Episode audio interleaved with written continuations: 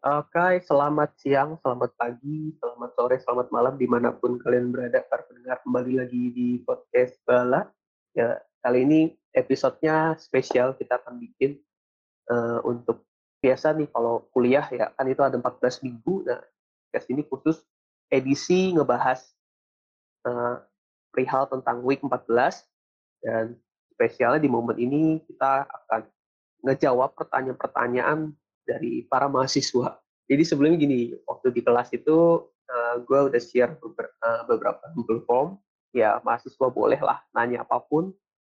Nanti akan jawab sebisa kita dan ya tergantung waktu sih nanti kita akan lihat. Tapi gue udah filter setiap pertanyaan-pertanyaannya supaya pertanyaannya tuh nggak tumpang tindih, nggak nggak redundant gitu ya. Jadi pertanyaan nggak berulang-ulang, jadi bisa cuma sekali jawab aja bisa. Itu gue udah filter tenang aja. But now uh, sekarang gue nggak sekarang gue nggak sendiri gue juga ditemenin sama salah satu partner aslep gue ya namanya James Christian ya Halo, Oke. halo. eh gimana kabar baik baik Baik lah. ya, sehat-sehat lah ya ya yang penting yang penting bisa sehat walafiat lah ya selama musim pandemi ini oke Eh, Oke ya, nanti gue bakal gue bakal sama James juga nanti kita akan langsung tutup pen aja lah ya. Kita langsung jawab kita langsung jawab satu persatu ya soalnya ini agak lumayan banyak. kita nggak kita nggak usah basa-basi terlalu banyak ya. Let's see. Pertanyaan pertama langsung ya. Inilah, eh wah ini tuh the point banget sih yang nanya. eh ini tenang ya, ini gue nggak sebut nama, ini gue nggak sebut nama. Jadi gue hanya membaca pertanyaan aja ya, karena kebanyakan juga ngisinya pada anonim sih, jadi ya udahlah. Oh ya, uh, FBI sebelum masuk ke pertanyaan, sorry, sebelum masuk ke pertanyaan nih. Segmen ini ini kita tujukan untuk mata kuliah. Jadi kita ceritanya ini kita ini menga- mengampu mengajar di dua mata kuliah ya James ya. Iya. Jadi kita ngajar di mata kuliah pengantar teknologi informasi yang biasa ma- mahasiswa di kampus kita tuh bilangnya PTI ini disingkat yaitu ngebahas front end technologies ya web development tapi dari sisi front end sama mobile cross platform itu pakai Ionic Angular ya, dan dan nge- lebih ngebahas ke cara coding application yang berbasis eh, PWA progressive web apps atau yang yang cross platform lah. Jadi sekali coding yaitu bisa jalan di Apple sama di mobile. Nah, khusus Android. segmen ini yes khusus segmen ini kita khusus kita akan nge- ngebahas spesial untuk yang poin biar nggak kelamaan. Poin pertama jadi aslet digaji berapa Ini mau lu jawab dulu atau mau gue jawab dulu? ya silahkan anda lah Oke. anda kan orang Gaji. dalam sebenarnya Oke, digaji aslet berapa? Eh, gak mahal. Eh, kok gak mahal? Gak banyak, cuma 50 ribu per pertemuan per SKS. Dikit kan? per pertemuan lebih tepatnya per kelas juga ya per SKS per kelas ya Iya, per SKS. Jadi per SKS kalau per lu- kelas. Jadi kalau misalnya lu ngajar tujuh kelas, lu ngajar tujuh kelas, berarti dalam satu minggu ya kali lah, bisa lah ya, Ya, lima puluh kali hitungnya. tujuh ya, ya, ya segitu lah ya, sampai akhir pertemuan ya gitu bisa dihitung ya, ya itu lumayan lah buat buat beli gorengan lah ya, nasi uduk tiap pagi lumayan lah itu. Sayangnya dibayarnya terakhir. Jadi ya selamat tunggu satu semester baru dapat bayaran.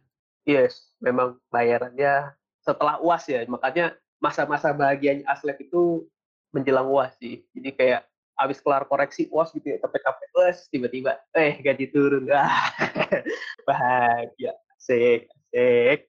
Jadi gitu ya jawabannya ya tentang gaji Aslep. Oke, lanjut nih. Kita langsung ke poin kedua. Hmm, ini mungkin agak objektif ya. Poin kedua pertanyaannya gini. Lebih bagus mana cakra UI sama material UI? Bagusan mana tuh? Waduh, gue jujur sendiri nggak tahu ya. Belum Mungkin pernah bisa jawab yang ini. Belum pernah pakai gue. Oh, lu belum pernah pakai satu pun. Paling Iya. bootstrap ya kalau buat buat itu ya, buat buat Iya, buat gitu ya. Buat mau bootstrap gue biasanya pakai. Ya, iya sih. Gue juga kalau ya sebenarnya tergantung sih. Maksudnya ya ini kan cuman pilihan preferensi ya. Ya, orang kebanyakan memang kenalnya bootstrap karena gampang, dipakainya cepet gitu ya. Padahal itu ada UI library, CSS framework yang nggak kalah keren gitu, yang nggak kalah mantep kan. Nah kalau dalam hal ini Cakra UI atau Material UI ya karena gue pernah pakai ya tergantung sih maksudnya bagus-bagus mana ya sebenarnya tergantung juga karena tiap komponen itu ujung-ujungnya lu bisa custom sendiri lu bisa custom CSS ini kayak bootstrap aja kan lu bisa custom lagi kan pakai CSS kalau misalnya batannya kurang ah batannya kurang enak nih. Kayak kalau nggak salah di bootstrap kan cuma ada primary gitu kan ya. Cuma ada pilihannya apa tuh? Uh, sukses warning gitu ya. Warnanya cuma ya biru hijau gitu kuning merah gitu kan. Kayak pengen di custom lagi ah gitu warnanya. Kan bisa. Ya cuman kalau untuk kebutuhan ya balik lagi sih lu butuhnya kayak gimana? Kalau lu butuhnya yang lebih stable ya stablean material UI karena lu udah lebih sesepuh istilahnya lebih lebih senior tuh material UI kalau Cakra UI eh, sekarang sih masih terbatas di React sama di Vue kalau di Angular belum ada jadi dia kayak cuma terbuka di React sama Vue aja sih Cakra UI karena masih baru but so far udah stable dan sudah mulai trending juga di Twitter. Ya makanya lu juga baca Twitter James. Aduh, jarang buka Twitter. Ya gue gue di Twitter soalnya follow beberapa ya apa foundernya PHP tuh founder PHP, penemunya PHP, eh bukan PHP sih, eh, Laravel sorry, foundernya Laravel itu gue follow, Matt Droid, ya kayak gitu gitu lah. Kalau jadi kayak tiap kali gue buat Twitter ya memang sih isinya berita politik semua kebanyakan. tapi berita-berita teknologi gitu jadi kayak ada juga gitu kan adanya kayak wih ada apa nih yang baru nih gitu kan iseng aja titip gitu Duh maaf nih gue up to date agak beda. Ya ya apa-apa lah. Yang penting yang penting jadi anak IT mah up to date aja lah. Anak IT kudet anak IT kudet itu parah gitu itu. Kayak lu lu nggak lu nggak tahu teknologi terbaru HP terbaru laptop terbaru kagak tahu ya uh, tolong ya itu jadi me, jadi bikin stereotip anak IT loh kalau kayak kalau mikirnya begitu. ya begitulah kadang-kadang juga, eh gue mau punya laptop ini prosesornya i7 Gen 10 grafiknya yang 3080 tapi harganya 2 jutaan. Ya mendingan lu bikin pabrik sendiri. Jancuk jancuk aduh aduh. Ya begitu ya jawabannya. Sebenarnya ya tergantung ke proyeknya tergantung skupnya sama tergantung ya bagus enggaknya balik lagi ke lu mau customnya gimana itu sebenarnya bisa di custom jadi lu lu nggak cuma bisa cuma asal pakai defaultnya tapi lu bisa custom lagi. Ya dan ya preferensi lu gimana? Gue nggak bisa bilang bagus enggaknya tergantung yang make sih. Tergantung yang make dan tujuan buat project lu apa. Gitu. Terus yang ketiga nih Kenapa harus pakai framework JavaScript? Ya, itu pertanyaannya. Ayo, lu bisa jawab gak? Oke. Okay. Uh, eh, sekarang gini deh. Kenapa uh, kan tadi pertanyaannya kenapa harus pakai framework JavaScript? Yes. Lu bayangin toko lu bayangin Tokopedia. Lu bikin dari awal nggak pakai framework. Lu bayangin bakal seberapa rumit lu harus bikin komponennya lagi, lu bikin logiknya lagi, lu bikin U apa UI-nya lagi, lu styling lagi dari awal. Nah, lu bayangin tuh, kalau nggak kalau nggak dibantu aja, gimana lu mau bikin? Itu itu psikopat itu kalau bisa bikin bisa bikin native tanpa framework psikopat aja. Anda luar biasa kalau bisa.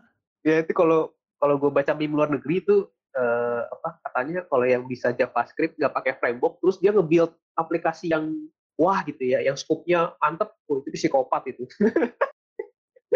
psikopat anjir gue bacanya tuh oh, lucu banget jadi kalau mau jawab singkatnya itu kenapa lu pakai framework supaya hidup lu tuh supaya hidup lu tuh lebih mudah yes berterima kasihlah kepada orang-orang yang menciptakan framework atau library dari JavaScript ya kayak Evan Yu penemu JS Svelte juga yang wartawan dari New York New York Times dia juga ngebikin framework Svelte Google juga ngebikin Angular Facebook juga ngebikin React kan.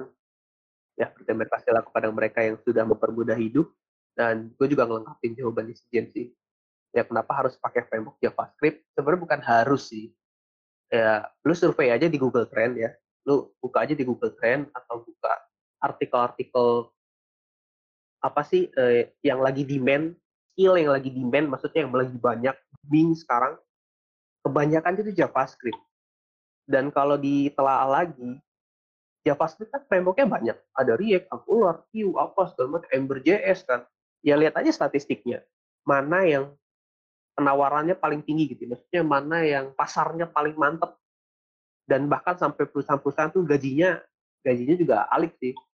Ada yang baru masuk itu gajinya udah 8, padahal masih masih junior loh. Lu bayangin kalau junior aja dibayar 8, berarti kalau senior ya berarti lu Wah. hitungan hitungan gaji kotor ya, hitungan gaji kotor ya.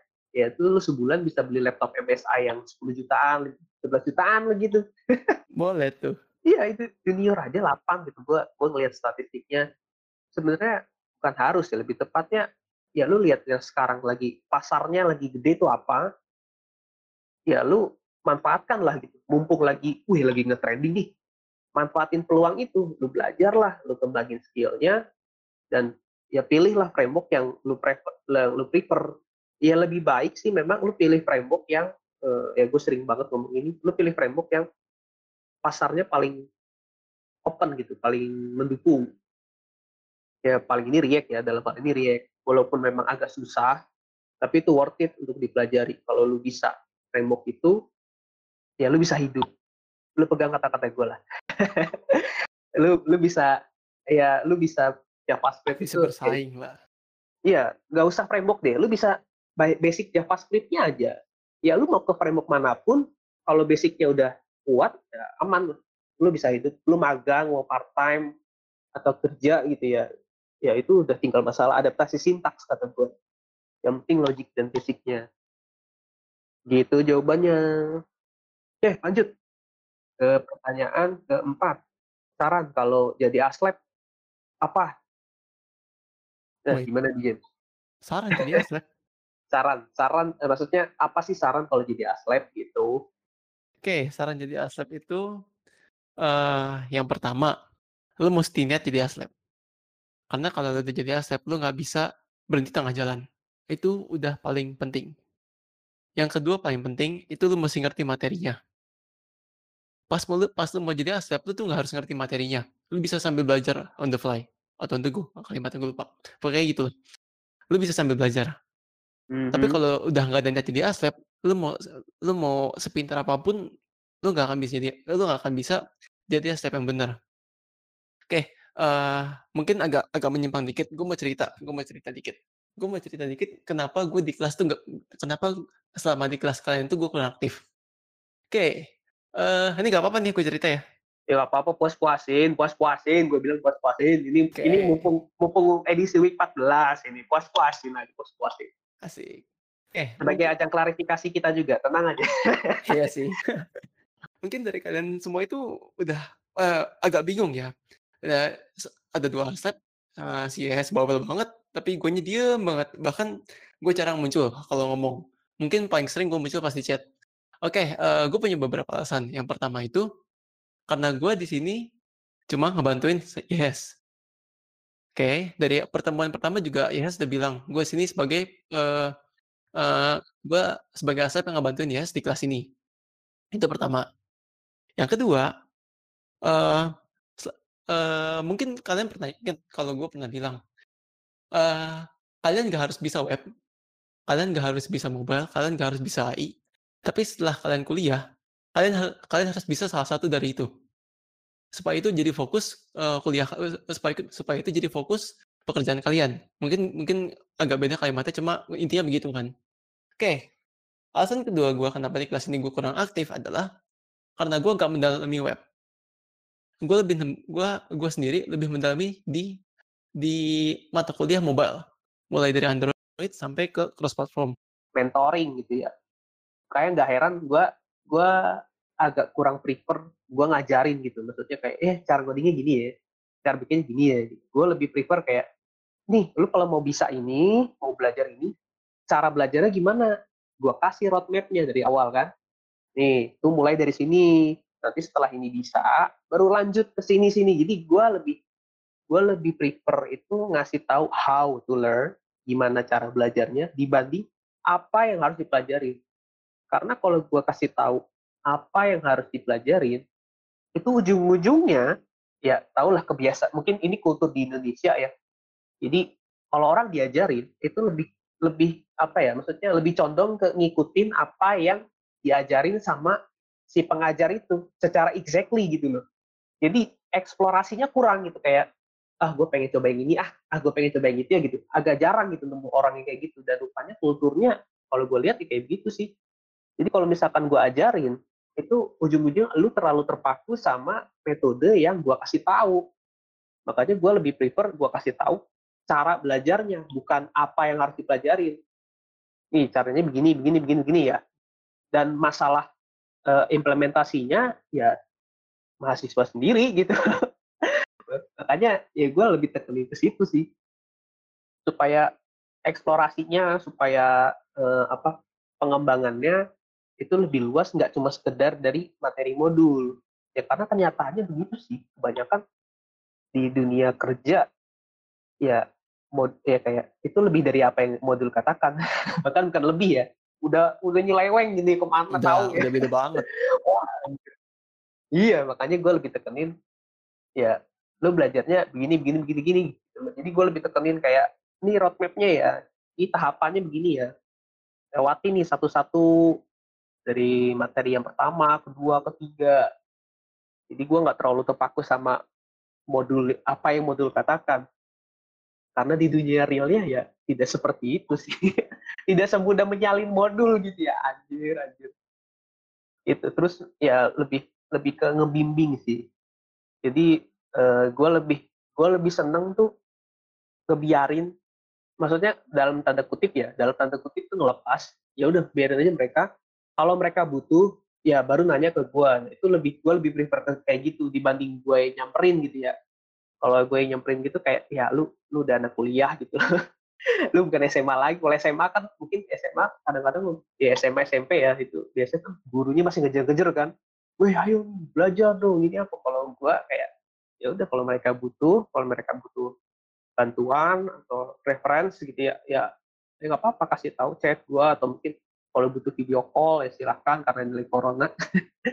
Ya kalau lagi nggak corona ya biasa kalau gue di kelas ya gue gue samperin gitu kan ke lab apa ke PC dia enggak ya ngobrol gitu ya jadi caranya begini gini ini apa yang salah? Oh codingannya salah di sini sini gitu. Lebih ke membimbing dibandingkan ngajarin itu itu saran sih saran untuk asutnya ya cukup panjang sih jawaban kita iya. di situ ya. Ya gak apa-apa lah. Sepa, apa uh, kalian juga klarifikasi coy. Udah 14 minggu kita tidak pernah tahu kebenarannya. Ah gue mau bocorin rahasia nih gue mau bocorin rahasia. Mungkin ya, mungkin, silakan, mungkin ya, lu mungkin tahu ini ya. Dari itu kita udah lulus. Cuma tadi kita sebenarnya nggak boleh tau jadi haslab. Ya kita kita udah pernah ngomong ini sih waktu week iya. satu. Kita sebenarnya tuh udah. Ini ya, tahu. Mungkin ada yang ada yang lupa ya. Iya mungkin ada yang lupa atau nggak masuk pas week satu gimana ya. Eh, bukan week satu sih pas pertemuan pertama ya. Maksudnya pas pertemuan pertama Zoom itu kita udah pernah clarify kan.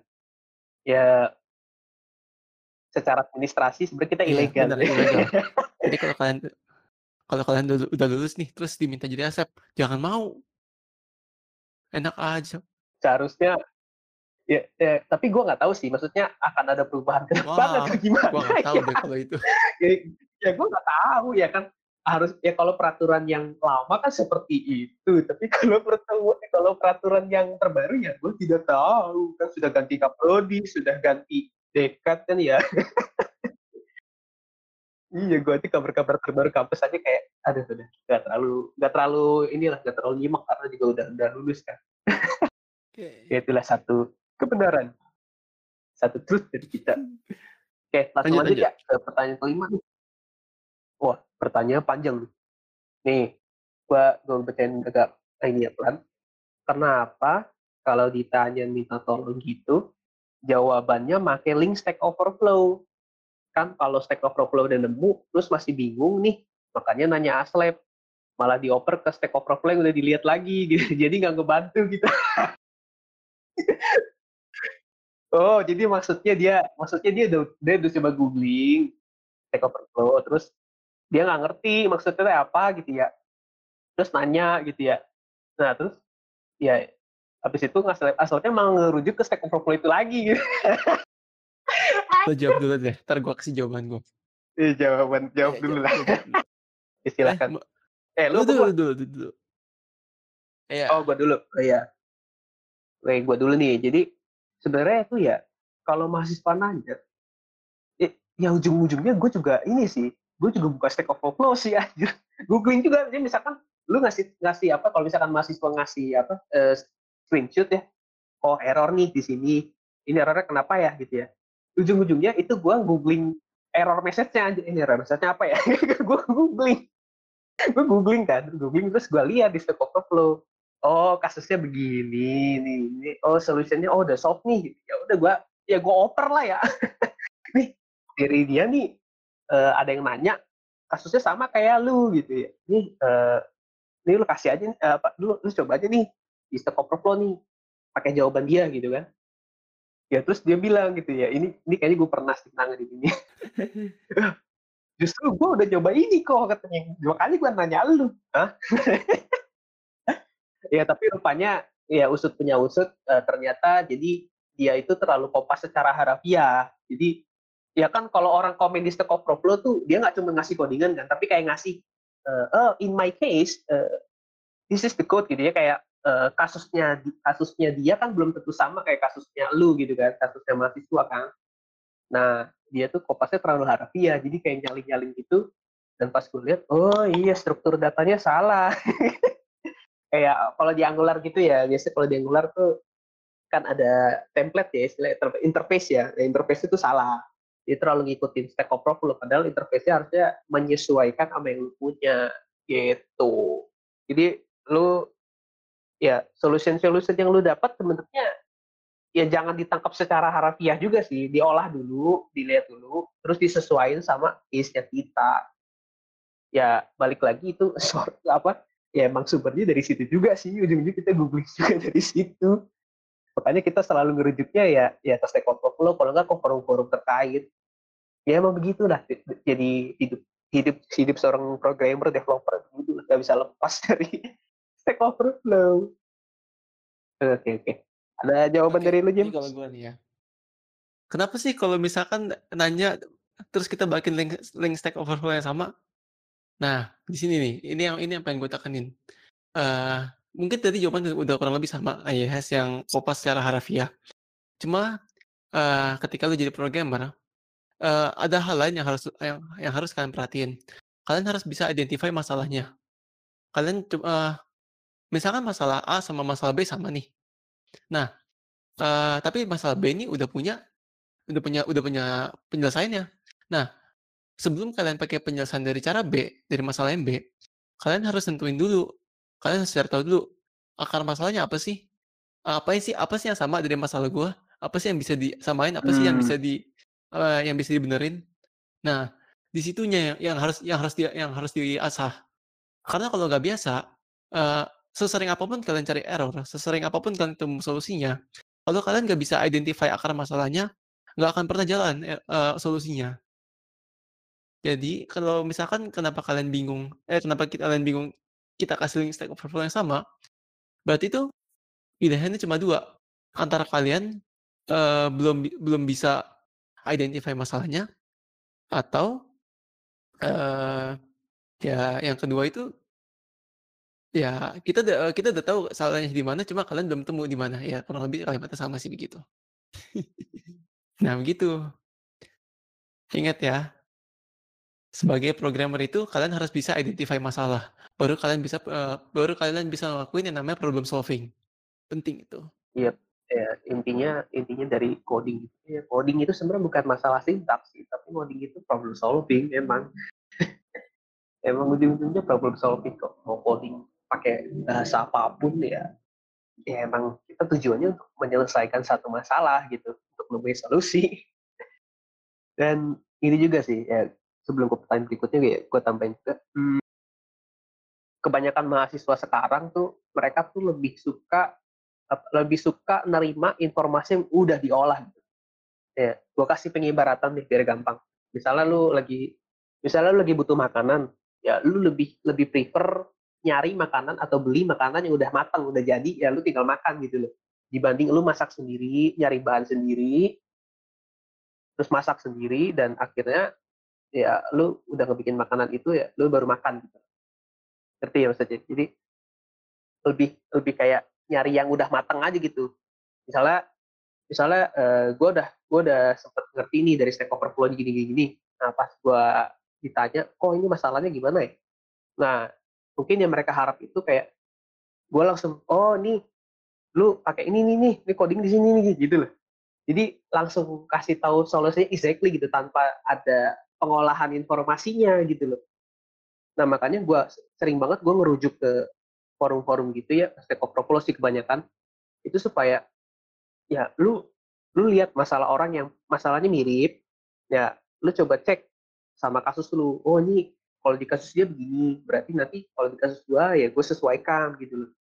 Jadi lu harus dilatih buat ngolah sih, ngolah informasinya gitu loh. Jangan terbiasa lu kayak disuapin, udah disuapin solusi udah matang gitu loh. Ya efeknya sih jangka panjang ya. Mungkin kalau untuk saat itu ya fine-fine aja, cuman efeknya jangka panjang tuh repotnya ya kalau udah kerja anjir. kalau udah kerja gitu kan lu nggak ada nggak ada lagi yang ngajarin gitu kan, nggak ada lagi yang yang kayak kita begini gitu loh yang kalau dimintain tolong apa gitu tidak se tidak seleluasa sewaktu kuliah kan kalau kuliah kan bisa nanya dosen aslabnya juga masih bisa ditanya-tanya kalau udah kerja gitu ya ya lu mau nggak mau harus berjuang sendiri gitu. Kalaupun yang ditanya-tanya ya paling kalau lu mau nanya, nanya ke senior ya mungkin. Kalau ada ya kalau ada senior kan nggak semua kantor juga yang punya mentor kan. Lu ada juga mungkin kalau magang atau baru masuk kerja itu kayak oh ya udah berjuang sendiri gitu. Gak ada yang ngebimbing gitu ya. Sorry gue potong. Nih ini ini ini kasus ini kasus nyata nih. Yang di satu perusahaan tuh gak ada mentor ini kasus nyata.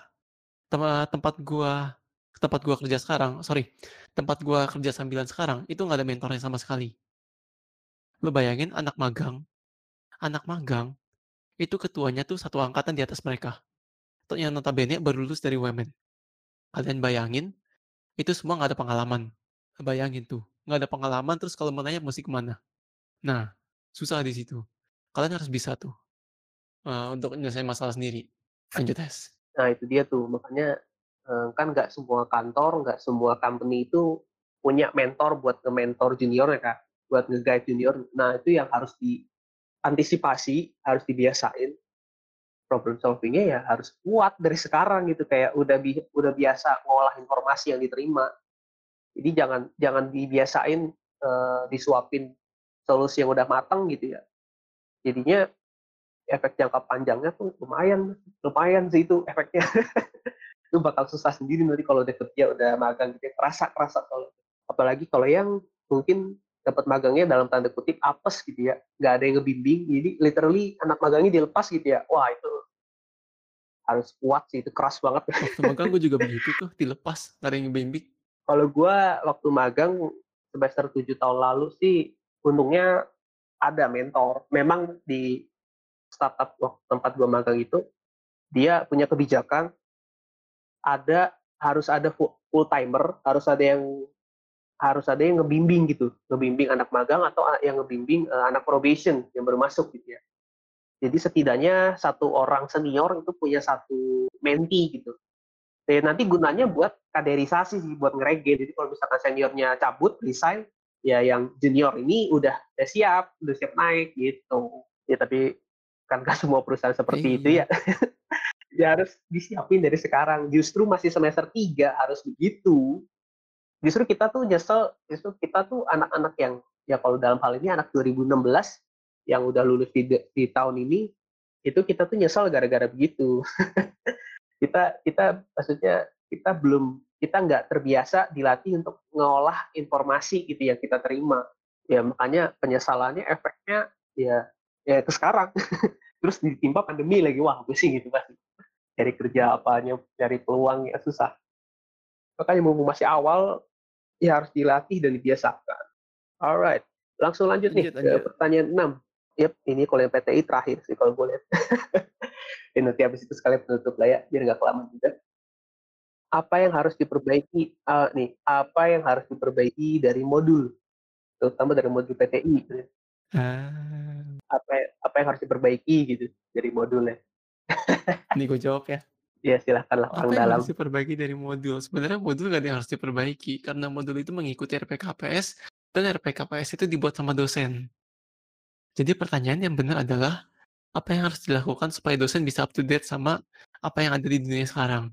Pertanyaannya adalah, apakah dosennya mau ikutan up to date? Mmm.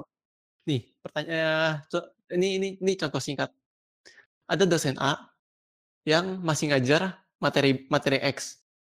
Padahal, eee, setelah gue coba cari setelah gue coba cari lowongan kerja dengan dengan ilmu X, itu dikit banget. Kalian bisa bayangin, dari 100 100 lowongan kerja yang gue ketemu, itu cuma 1, 1 atau 2. Dan itu pun jarang banget. Dan dosen ini tetap mau ngajarin materi X, bukan materi Z atau materi Y, yang notabene udah lebih terkenal dan banyak dicari orang. Jadi, balik lagi, bukan eee, balik lagi ke pertanyaannya, bukan modulnya yang harus diganti, dari dosennya yang harus harus harus bisa berubah. Karena ka karena kalau dari akarnya nggak berubah, ke bawahnya pun juga nggak akan berubah. Mmm, mhm. Ya ini nyambung pertanyaan ketiga yang tadi sih, yang gue jawab, ya kita lihat dulu nih pasarnya kayak gimana, ya. Eee, perkembangan framework-nya, terutama framework JavaScript dalam hal ini. Itu kayak apa sih, apa yang lagi ngetren, apa yang pasarnya lagi luas, lagi trending nih, dan lagi banyak dibutuhin orang. Ya seharusnya modul itu ngikutin kayak begitu tiap tahun, idealnya sih tiap tahun ya, idealnya tiap tahun itu ada harusnya ada update.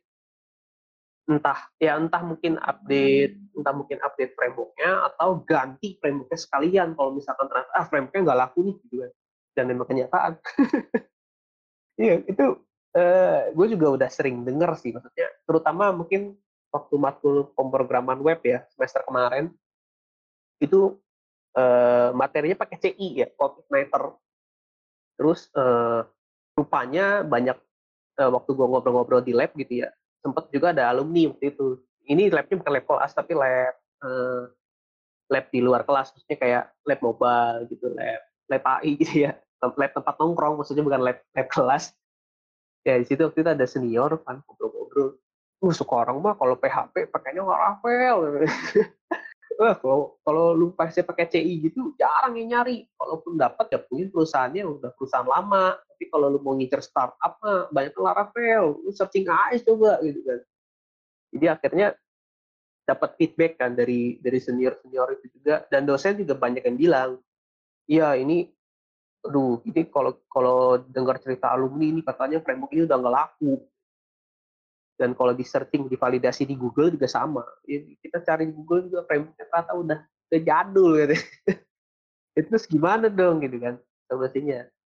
Ya ya kalau solusi yang paling realistis ya ya kita ganti RKPPS, ajuin penggantian materi semua ke dekan, ya ke fakultas ya, cuman kan prosedurnya tidak semudah itu ya. Akan memakan waktu, nggak tahu deh berapa lama ya James ya? Kalau mungkin bisa seminggu, 2 minggu gitu ya? Atau Ganti gimana ya? Gue kurang tahu sih. Ganti RPKPS itu nggak bisa nggak bisa cepet, karena ketika lu ganti RPKPS itu berlakunya baru semester depannya lagi, Iya 1 1 semester, semester kan hmm. seinget gue ya, bukan bukan seminggu, 2 minggu anjir, itu malah 1 semester. Jadi kalau misalkan lu ngajuinnya semester 7, berarti baru bisa diimplementasiin semester depan. Ma Wah, Ribet tuh iya. makanya. Dan itu juga bakal iya dan itu juga ada peninjauannya lagi seinget gue, jadi belum tentu diterima, bisa jadi ditolak malah kan kalau misalkan ternyata dievaluasi gimana, ternyata kurang sesuai atau ada yang nggak pas gitu kan, itu harus di Atau ma atau ini lagi, atau malah lagi. lebih parah lebih parah, dosennya nggak mau ngajarin materinya, karena dia nggak bisa. Iya itu balik ke teknis ya, ketika udah implement gitu kan, ya mungkin ada juga dosen yang eee, mungkin kalau latar belakangnya latar belakangnya misalnya, eee, modulnya React gitu ya, tapi latar belakang dia Angular gitu ya. Nah itu iya itu gua gua iya gua pernah nemuin itu soalnya. Eee, waktu masih semester 3 apa ya, waktu kayak waktu eh enggak deng semester 5 waktu itu ya kita PTI masih jadi mahasiswa. Ya itu ada satu dosen kayak gitu background, jadi background-nya dia sama RKPPS-nya rupanya beda gitu kan. Jadi agak agak bentrok di situ. Makanya dia kalau ketika dia ngajar ya jadi agak kagok gitu ya. Ya makanya mungkin, eee, kalau makanya kalau di Ya, ini sekalian clarify juga. Makanya kalau di gua uh, waktu jadi aslab ini gue lebih prefer gini ya udah modul untuk sementara ya udahlah tetap begitu aja mungkin agak tertinggal ya it's okay. Tapi ketika tugas UTS atau UAS lu bebas lu implementasin apa pun lah. Jadi kayak gue kasih batasan nih misalnya kalau UAS eh, ya frameworknya apa pun yang penting JavaScript gitu loh. Jadi ketika lu membuat satu karya membuat satu project ya itu bebas nggak terbatas RK, nggak terbatas RKPS gitu. Ya RK, RK, jadi RKPS itu sebenarnya kayak ya udah itu cuma untuk pemenuhan nilai ya kan? Cuma untuk materinya biar tetap ada ada batasan-batasannya. Tapi ketika lu mengerjakan karya ya lu bebas bereksplorasi. Yang penting ya JavaScript aja frameworknya lu mau pakai React lu mau pakai Vue lu mau pakai Svelte lu mau pakai Angular gitu kan. Makanya pas gue jadi asli ini terutama gue ya pertama gue terapin di pom web ya semester kemarin tuh di pemrograman web gue udah terapin. Jadi yang diajarin itu CI, Coordinator. Tapi pas ujian UAS terutama ya, pas UAS itu gue bolehin pakai Laravel. Gue bolehin pakai Laravel, gue bolehin pakai Y, ya apa pun lah frameworknya. Yang penting PHP, basicnya, maksudnya base code-nya, base code dari framework itu PHP. Dan terbukti banyak anak-anak yang bikin webnya alik gitu. Gila coy. Bisa sampai bikin apa verifikasi email. Jadi kalau lu register lu register ada verifikasi email coy. Masuk gitu. Wah gila kepikiran pakai apa gitu ya pakai PHP ya di di, di Laravel kebetulan ada library-nya. Jadi mereka pakai terus ada juga fitur reset password. Anjir coy. Pas reset password beneran. Jadi kayak dari hostingannya itu ke email gitu. Itu sampai niat si anaknya juga dia beli dia beli domain anjir. Buat ngumpulin tugas. Apa uh, buat ngumpulin tugas akhir itunya ya webnya wah gila itu sampai beli domain beli hostingan demi demi nilai itu. Eh waktu itu tugas teori sama labnya jadi satu kan makanya dia dia serius banget. Dia memang orang web sih gua lihat wah ini passionnya di web nih. Itu oh gila fitur terus ada fitur ya reset passwordnya bener-bener kayak kayak kayak web yang pada umumnya gitu loh. Reset password pasti klik dia langsung ngirim ke email kita gitu beneran kita riset dari email, ngeklik gitu ya, masuk ke linknya, riset gitu ya, ke database langsung keganti, anjir. Wah, gila. Gue aja gak kepikiran caranya gimana. Kalau gue ya paling mentok Firebase. iya, cara ya udah gampang Firebase, tapi dia bikin bikin sendiri gitu, backendnya bikin sendiri, anjir gue. Giling-giling tuh. Sampai dosen juga feedbacknya ya ke aslep-aslepnya ke gue juga waktu itu, oh ini banyak ya mahasiswanya bikin webnya bagus-bagus ya kayaknya kayaknya mendingan dibebasin deh ya kayak gitu ya. Makanya gue bilang ya dibebasin aja nih bu. Biarin aja mereka ya mereka mau pakai yang udah diajarin di kampus atau di luar kampus itu oke okay, tapi kita batasin di PHP aja karena kan base-nya kan PHP kan waktu itu pemweb kan. Jadi udahlah bebasin rupanya setelah dibebasin itu wah tuh banyak banget. Dan gue harap sih ya dengan sistemnya sekarang ya jangan terpaku sama modul gitu. Nah terus ini ya gue juga nyinggung nih. Ada anak juga yang waktu itu sempat bilang, udahlah kok aku ikutin modul aja untuk sekarang. Tapi ntar ya bisa otodidak lah gitu. Nah itu menurut lu gimana Jim? uh, gimana ya? Gue pribadi sih gue nggak masalah. Karena gue gue sendiri juga begitu. Iya kita awal begitu, kita dulu juga begitu. Ah udah otodidak aja lah. fun fact, fun fact. Nih, gue gue gue cerita dikit ya. Waktu itu gue sempat ditawarin ikut uh, uh, bukan ikut ya ikut project dari dosen. Ikut project dari dosen disuruh bikin aplikasi mobile cross platform. Hmm. Tapi kliennya tuh minta kalau nggak pakai React, pakainya Flutter. Nah, lo dua-duanya dua-duanya nggak diajarin di kampus. Gimana dong? Ya udah, belajar sendiri semua dari kampus tetap kita pelajarin, tetap kita lulusin nilainya. Tapi ketika udah udah ketemu kasus kayak gitu, kita harus bisa, kita malah, malah jadi terpacu untuk belajar sendiri. Dan sampai akhirnya ya oh, waktu itu gue pilihnya Flutter dan sampai sekarang gue masih pakai kok. Pakai banget malah itu di hmm. Nah hmm. gitu. Jadi kalau misalkan kalian mau uh, modulnya, tadi gimana? Modulnya cuma Iya, jadi uh, ada anak waktu itu dia bilang, udahlah kok aku ngikutin modul aja untuk sekarang ya kalau masalah yang update-update gitu itu bisa otodidak nah, lah. Nah, itu itu itu nggak masalah banget. Itu nggak itu pilihan kalian malah. Kalau emang kalian maunya begitu silahkan, selama kalian mengikuti perkataan kalian. Kalau kalian nanti bakal belajar sendiri untuk yang update yang lainnya. Cuma kalau ya kalau kalian nggak bisa ngikutin perkataan kalian, ya gue lepas tangan. Iya, betul sih. Gue juga sebenarnya nggak terlalu masalah sih, cuman ya ini pengalaman sih ya. Ketika bilang udah lantar atau tidak, udah lantar atau tidak. Kayak lu belum pernah merasakan, ya mungkin kalau mahasiswa semester 3 masih belum terlalu kerasa ya. Tapi biasanya kalau udah semester 6, 7 tuh, udah mulai-mulai nyari magang, freelance kan. Nah itu, nah bisa nggak lu mengejar ketertinggalan lu gitu. Lu udah tahu, maksudnya lu udah tahu modul modulnya itu belum up to date gitu ya mungkin ya. Lu, lu udah tahu modulnya tuh, wah ini modulnya ketinggalan nih. Dan ya di realitanya tidak seperti ini gitu loh. Ya udah gitu, itu terserah lu apakah lu mau ya udahlah lu, lu tetap ngikutin yang usang yang sudah ada luar itu atau ya lu tetap bergerak lebih maju gitu. Ya itu pilihan ya pilihan lu sih. Ya cuman diantisipasi ya harus dipikirin juga karena mengejar ketertinggalan itu susah gue bilang susah gue ngalamin soalnya anjir gue gue bener-bener semester 1 sampai semester 8 itu kayak asal lulus asal lulus yang penting nilai yang penting nilai ya itu makanya gue sering banget gue omongin ini. Ya nilainya A bagus tinggi gitu ya. Tapi ketika magang ketika nyari magang tuh apply sana sini itu nggak ada gunanya. Nggak ada yang nanya nilai.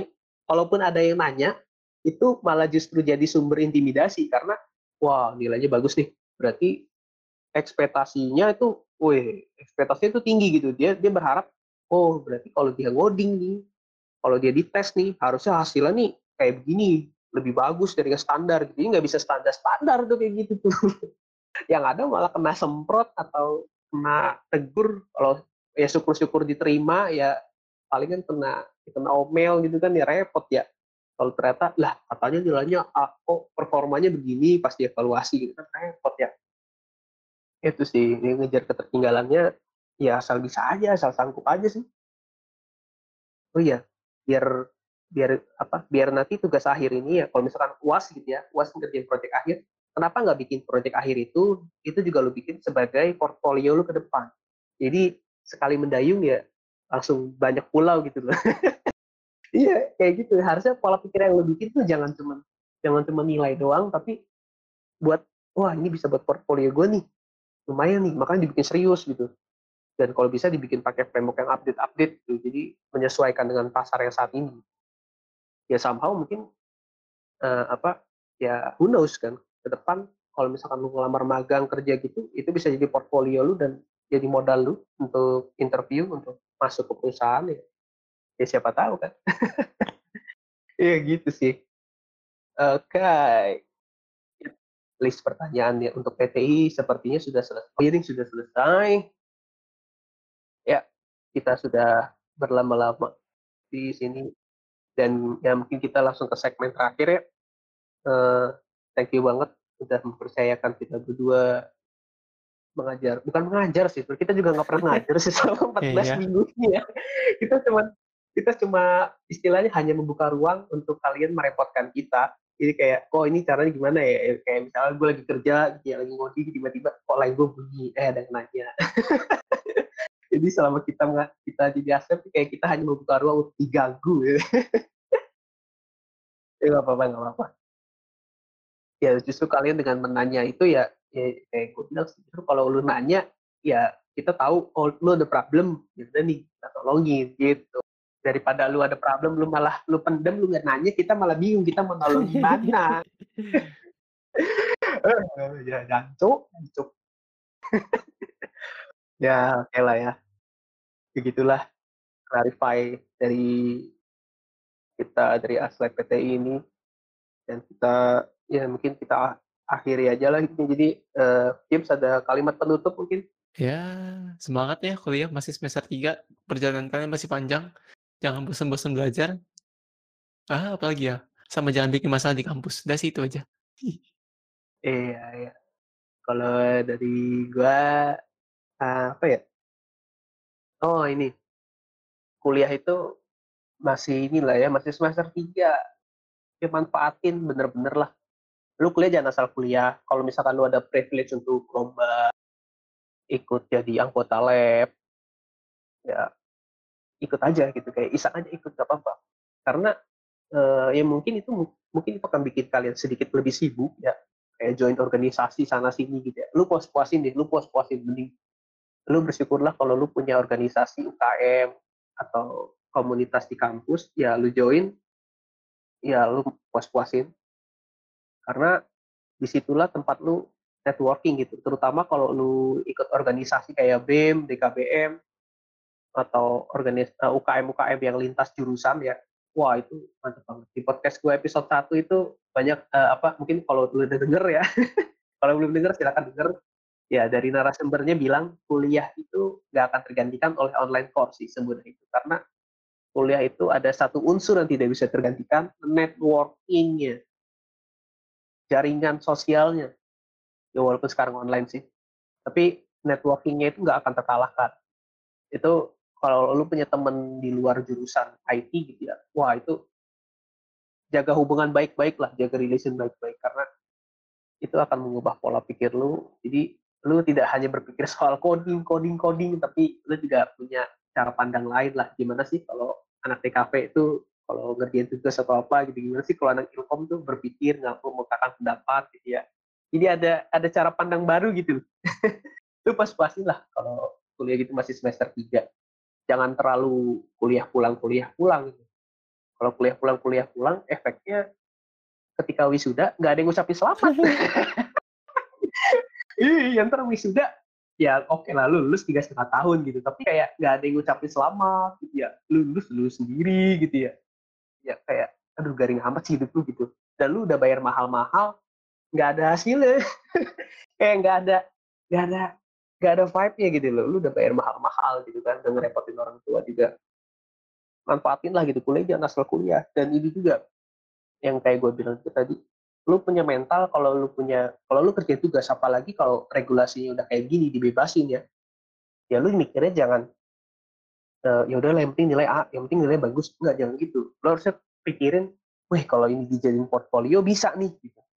Wah kalau ini dijadiin buat uh, apa istilahnya ya kayak buat dipamerin di LinkedIn kalau lu punya GitHub punya komunitas gitu ya lu bisa istilahnya show off show off kasih showcase lu pamerin hasil lu dan who knows itu bisa jadi apa bisa jadi inspirasi bahkan efeknya gede. Ya kayak kayak Bill Gates sama yang punya Facebook aja tuh si Mark Zuckerberg. Itu tuh mereka tuh menciptakan sebenarnya background di, di balik itu mereka tuh sebenarnya awalnya dari dari tugas kuliah coy. Dari tugas akhir dari tugas dari tugas kuliah. Cuman mereka mikirnya ternyata wow ini lebih sebatas apa tidak sebatas nilai gitu loh. Rupanya ini bisa menghasilkan impact yang lebih gede dan akhirnya jadilah Facebook jadilah Microsoft ya, kayak sekarang. Ya punya mental gitulah jangan jangan punya mental ya udahlah dia tugas saja lah ya udahlah yang penting nilai A lah. Untuk jangka pendek nggak terasa. Tapi kalau udah udah mau lulus nih ketika lu udah lulus lu nggak akan pernah ditanya lu dapat nilai berapa sih? Yang ditanya oleh HRD atau interview itu pasti e, kamu bisanya apa? Saya nggak nanya nilai kamu A gitu kan. Saya nggak nanya nilai kamu berapa saya cuma nanya kamu bisa apa. Nah itu pertanyaan yang yang menusuk sih kalau misalkan nilai lu A tapi ternyata lu sendiri gak ada penguasaan materi gitu. Sedih iya, sedih itu anjir itu. Kayak kuliah jangan asal kuliah lah. Lu manfaatkan betul-betul, cari networking, cari ilmu, explore sebanyak mungkin. Ya mungkin modul kampus ya memang realitanya seperti itu sih. Di semua kampus ya, ini nggak cuma di kampus kita doang, tapi hampir di semua kampus dan di semua di seluruh dunia ya seluruh dunia emang problemnya di situ sih pendidikan. Jadi modul-modulnya, eh, makalah-makalahnya itu kalah update sama yang terjadi di dunia sekarang. Kayak kejar-kejarannya tuh masih kayak ya ketinggalan lah. Jadi belum balance nih antara dunia pendidikan sama dunia realnya. Nah itu jadi tantangan sebenarnya jadi dari mahasiswanya dia sanggup nggak buat kerja buat ngejar itu. Ya begitulah pesan gua untuk yang ini ini panjang sih namanya, puas-puasin kan, makanya gue bilang puas-puasin. Ini ini edisi 4 week 14 ini. Aduh, enggak lah, gua gua Puas-puasin. singkat padat jelas aja. Jadi mereka bisa mendengar, "Oh ternyata begini ya." Ya, ya ini ini masih satu segmen ya, kalau misalkan kalian mau dengerin nanti yang segmen, eee, untuk yang mahasiswa yang lebih senior ya bolehlah. Boleh boleh. Bolehlah, nggak apa-apalah. Sekali-kali dengerin, wah ternyata di dunia yang apa, untuk mahasiswa yang senior tuh rupanya kehidupannya begitu ya, ah, ya. Lu bisa dengarkan nanti di episode berikutnya ya. Tapi untuk yang kalian, cukup di sini. Ya itu pesan-pesan kita, maaf kalau panjang, ya karena memang kita kita harus puas-puasin keluarin semua sebelum kita benar-benar Iya. cabut ya. Daripada kalian tidak bisa mendengarkan pesan-kesan gitu ya, ini Aslet pertama yang bikin podcast ya. Jadi, ya bersyukurlah kalian punya Aslet yang seperti ini. Saya Setiap omongannya didokumentasikan. saya no comment kalau yang itu. Oke oke. Ya tidak apa-apa apa-apa. Just intermezzo lah. Oke, thank you banget, eee, sudah mendengarkan segala celotehan dari kita. Thank you banget, kita akan akhiri di sini ya Iya. mungkin ya. Oke, sampai jumpa nanti, dan selamat menikmati hari-hari kalian semua. Thank Thank you. you.